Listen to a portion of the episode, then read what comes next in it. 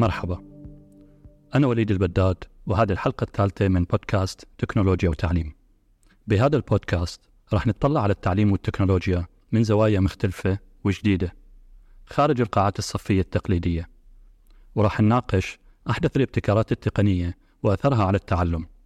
وراح نتعرف على أحدث التجارب بتصميم المعلومة والتصميم التعليمي. وراح نشوف تجارب مختلفة وممتعة وراح نتعرف أكثر على أنفسنا لنعرف إحنا كيف وليش بنتعلم. بعد ما حكينا عن العقل والتحديات اللي قدام التعليم راح أبدأ سلسلة حلقات لنحكي عن أهمية تكنولوجيا التعليم لمواجهة هاي التحديات. وبكل حلقة راح نحكي عن جانب واستخدام معين لهذه التكنولوجيا مثل استخدام الألعاب والذكاء الصناعي واستخدام الواقع المعزز والافتراضي ومنصات التعلم ومنصات الخبرة التعليمية والكثير من الجوانب المتعلقة باستخدامات التكنولوجيا بالتعليم.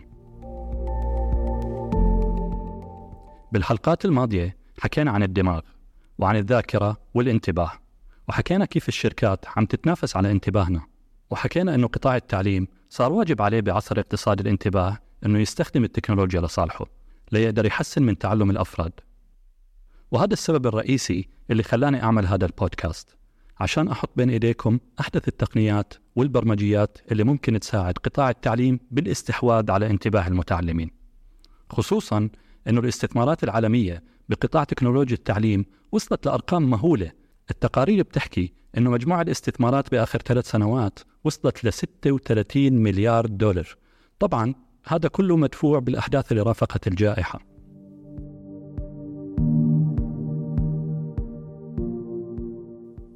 بهذه الحلقة راح أبدأ بواحد من المواضيع اللي عم تاخذ زخم كبير مؤخرا وتقريبا ما عم يمرق يوم بدون ما نسمع عنها خصوصا مع الضجة اللي عم بترافق اجتياح أدوات الذكاء الاصطناعي لجميع المجالات وطبعا التعليم على رأسها.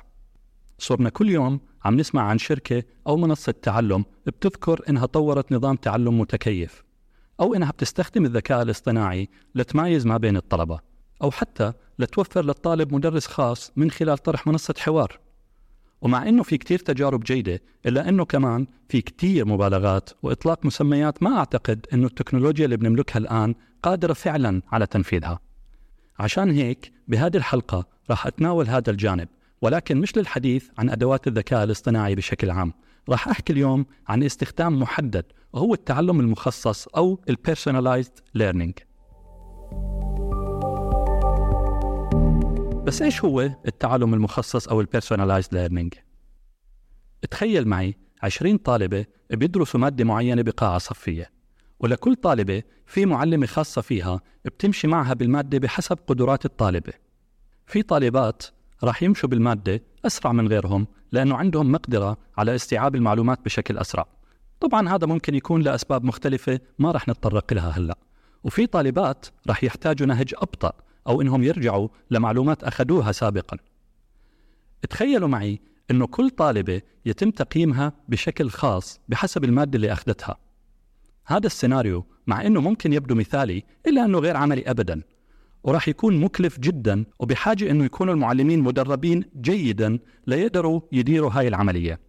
بس هذا السيناريو ممكن وعملي إذا استخدمنا التكنولوجيا. بقطاع تكنولوجيا التعليم هذا النظام بنطلق عليه التعلم المخصص أو المصطلح الأكثر طموحا هو التعلم المتكيف. بمعنى آخر بيتكيف مع إمكانيات واحتياجات كل طالب على حدة. وبس للتوضيح أنا هنا ما بقصد أساليب التعلم اللي انتشرت بفترة واللي كانوا يحكوا فيها أنه كل طالب بيتعلم إما بالنظر وإما بالسمع إلى آخره. لأنه في كتير أبحاث أثبتت عدم دقة هذه النظرية ببساطة. اللي عم بقصده هون هو إمكانيات الطلبة مثل سرعتهم بالفهم أو معلوماتهم السابقة عن الموضوع أو البري نولج خلال سنوات عملي كنت محظوظ جدا أنه اشتغلت بأكثر من جهة وعلى أكثر من مشروع وتجربة مختلفة للتعلم المخصص.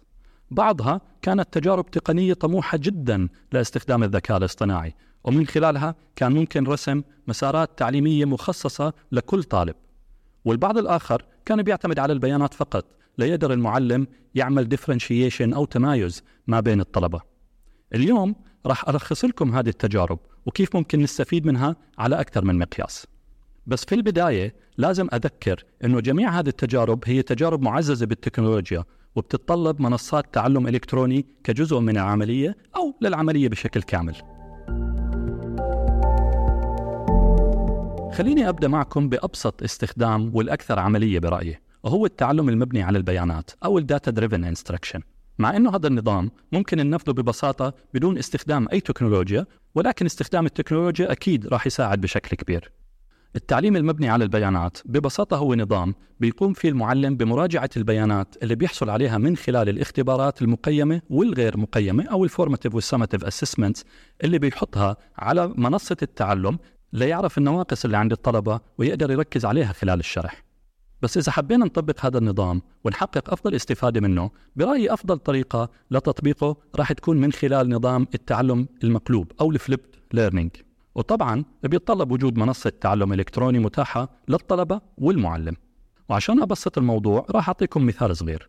لنفترض أنه أنا عم بدرس مادة كتابة إبداعية وبالحصة أو المحاضرة القادمة راح أشرح لطلابي عن الكتابة الخاصة بالإعلانات. اللي راح أعمله ببساطة أني راح أوفر لطلبتي قبل المحاضرة بوقت كافي أكيد عدد من المواد التعليمية اللي بتخص موضوع كتابة الإعلانات. هذه المواد كلياتها راح نوفرها على المنصة على منصة التعلم الإلكتروني. هذه المواد راح تكون متنوعة زي فيديوهات على سبيل المثال مواد للقراءة تمارين مختلفة وأكيد عدد من الأسئلة اللي ممكن تكون مقيمة وممكن لا. المتعلمين بدورهم راح يتفاعلوا مع هاي المواد بالوتيرة والوقت اللي بيناسبهم قبل المحاضرة أكيد.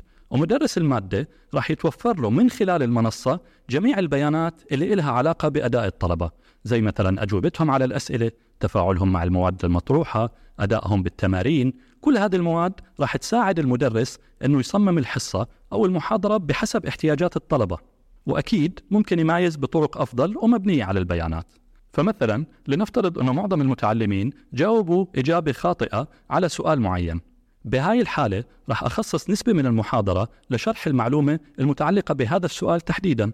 طبعا ميزات هذا التطبيق إنه سهل ومتاح تطبيقه بمعظم منصات التعلم الإلكتروني بس بيتطلب توفر محتوى إلكتروني بغطي المادة كاملة ويكون المحتوى تفاعلي وجذاب. وأكيد لازم نوفر تدريب للمعلمين على التعامل مع البيانات. ومع إنه ممكن استخدامه للمميزة إلا إنه لا يعتبر مخصص بشكل كامل. التطبيق الثاني ظهر بعد ظهور ال large language models مثل ChatGPT وغيرها. وبتمثل هذا التطبيق باستخدام ال GPT كمدرس خاص داخل المنصة أو باختصار بيكون في على جانب صفحة المساق الإلكتروني منصة حوار بيقدر المتعلم يسأل أي سؤال بيتعلق بالمادة اللي عم يدرسها وال GPT ممكن يجاوبوا عليها أكيد. طبعا هو استخدام مفيد جدا بس بيتطلب تدريب لل large language model على المادة وهذا بيتطلب عمل كبير وإمكانيات تقنية. ممكن ترجعوا للحديث اللي قام فيه مؤسس Khan Academy من فترة على منصة TED وشرح كيف استخدموا GPT 4 داخل منصة خان أكاديمي. الحديث مفصل وممتع ومتوفر مجانا على اليوتيوب. الاستخدام الثالث هو بالحقيقة مأخوذ من قطاع صناعة الألعاب الإلكترونية. أي شخص جرب ينزل لعبة على جهازه المحمول راح يلاحظ أنه اللعبة في البداية راح تعطيه توجيهات لكيف يلعبها. مثلا إذا كانت لعبة بناء أول ما يفتح اللعبة راح يظهر له على سبيل المثال سهم يقوده للمصنع. بمجرد ما كبس على المصنع راح يظهر له سهم يقوده على سبيل المثال لشراء مطرقة. بمجرد ما اشترى المطرقة راح يظهر له سهم ثالث على سبيل المثال يقوده على أرض فاضية ليقدر يبني عليها. هذه التوجيهات كلياتها راح يوفر لك إياها اللعبة أو راح يوفر لك إياها البرنامج في البداية.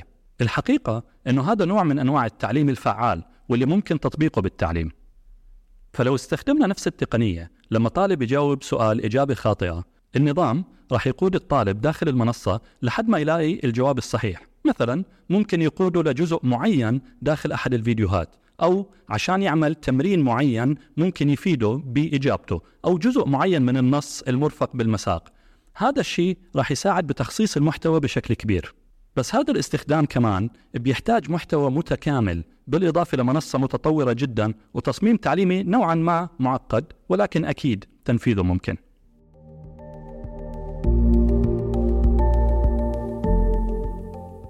التطبيق الأخير اللي راح أحكي عنه اليوم هو التطبيق الحلم لكل المتخصصين بالتعلم الإلكتروني وهو التعلم المتكيف أو الأدابتيف ليرنينج مع أنه تعريف التعلم المتكيف عم بيتطور وبيختلف بشكل دائم إلا أنه ممكن نختصره بالتالي. هي منصات تعلم إلكتروني بتستخدم خوارزميات متقدمة جدا لتحليل أداء المتعلم وبتقترح له محتوى تعليمي وموارد وأنشطة بتتناسب مع نقاط القوة وجوانب الضعف والمجالات اللي بيحتاجها الطالب ليتحسن. بالنسبة للمتعلم فائدتها كبيرة جدا لأنه بتوفر له خبرة تعليمية خاصة وتفاعلية من خلال توفير المحتوى اللي بيحتاجه بالضبط. هذا الشيء بيساعد المتعلم أنه يستوعب المعلومة بكل مستوياتها. والجميل هون أنه المنصة بتحافظ على مستوى معين من التفاعل عند الطالب بيخليه بعيد عن الملل والإزعاج اللي ممكن يشعر فيه أي شخص ما عم يقدر ينجز شيء معين.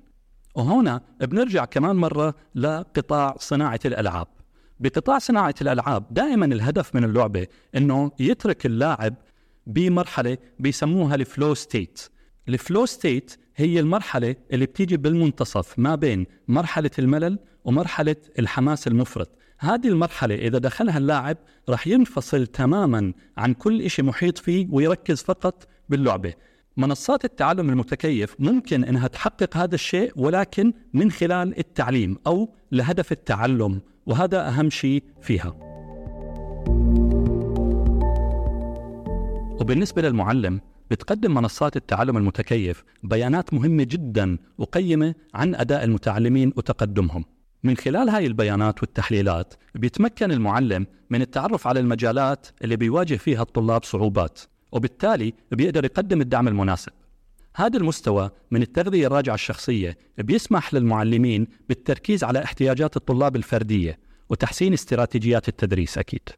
طبعا كل هذا من الخارج يبدو مثالي وقابل للتطبيق بس الحقيقة أنه معقد جدا على أكثر من مستوى. أولا المنصة نفسها بنائها معقد. مع أنه الاختراقات اللي صارت حديثا بمجال الذكاء الاصطناعي سهلت كثير من العمل بس إلى الآن إحنا بحاجة لخوارزميات معقدة بتمكننا من تحليل أداء الطلبة بشكل لحظي واقتراح المناسب. وطبعا اقتراح المناسب بيتطلب توفير كل ما يحتاجه الطالب من محتوى متعلق بالمادة على شكل محتوى إلكتروني. وهذا بيحمل تحديات مادية كبيرة جدا بالإضافة لتحديات أكاديمية لإنتاج هذا الكم من المحتوى. أو أنه المنصة نفسها تقوم بإنتاج فوري للمحتوى وهذا اللي أعتقد أنه مستقبل منصات التعلم الإلكتروني. الخلاصة إنه إحنا عم بنعيش بزمن ممتع جدا بقطاع التعلم الإلكتروني، التغييرات اللي عم بتصير ممكن إنها تشكل واقع التعليم مستقبلا، مع إنه إحنا أمامنا تحديات كبيرة، بس اليوم في حلول كتير كمان ممكن تساعدنا وعم تظهر كل يوم. بنهاية هاي الحلقة بدي أذكركم تشتركوا بالقناة لتوصلكم الحلقات الجديدة أول ما تنزل وتشاركوا الحلقة مع المهتمين. ودائما بانتظار تعليقاتكم لكيف ممكن نطور من المحتوى أو إذا كان عندكم مواضيع بتحبوا نتناولها بالحلقات القادمة بتمنى تبعتوا لي إياها على بريدي الإلكتروني المثبت. إلى اللقاء في الحلقة القادمة.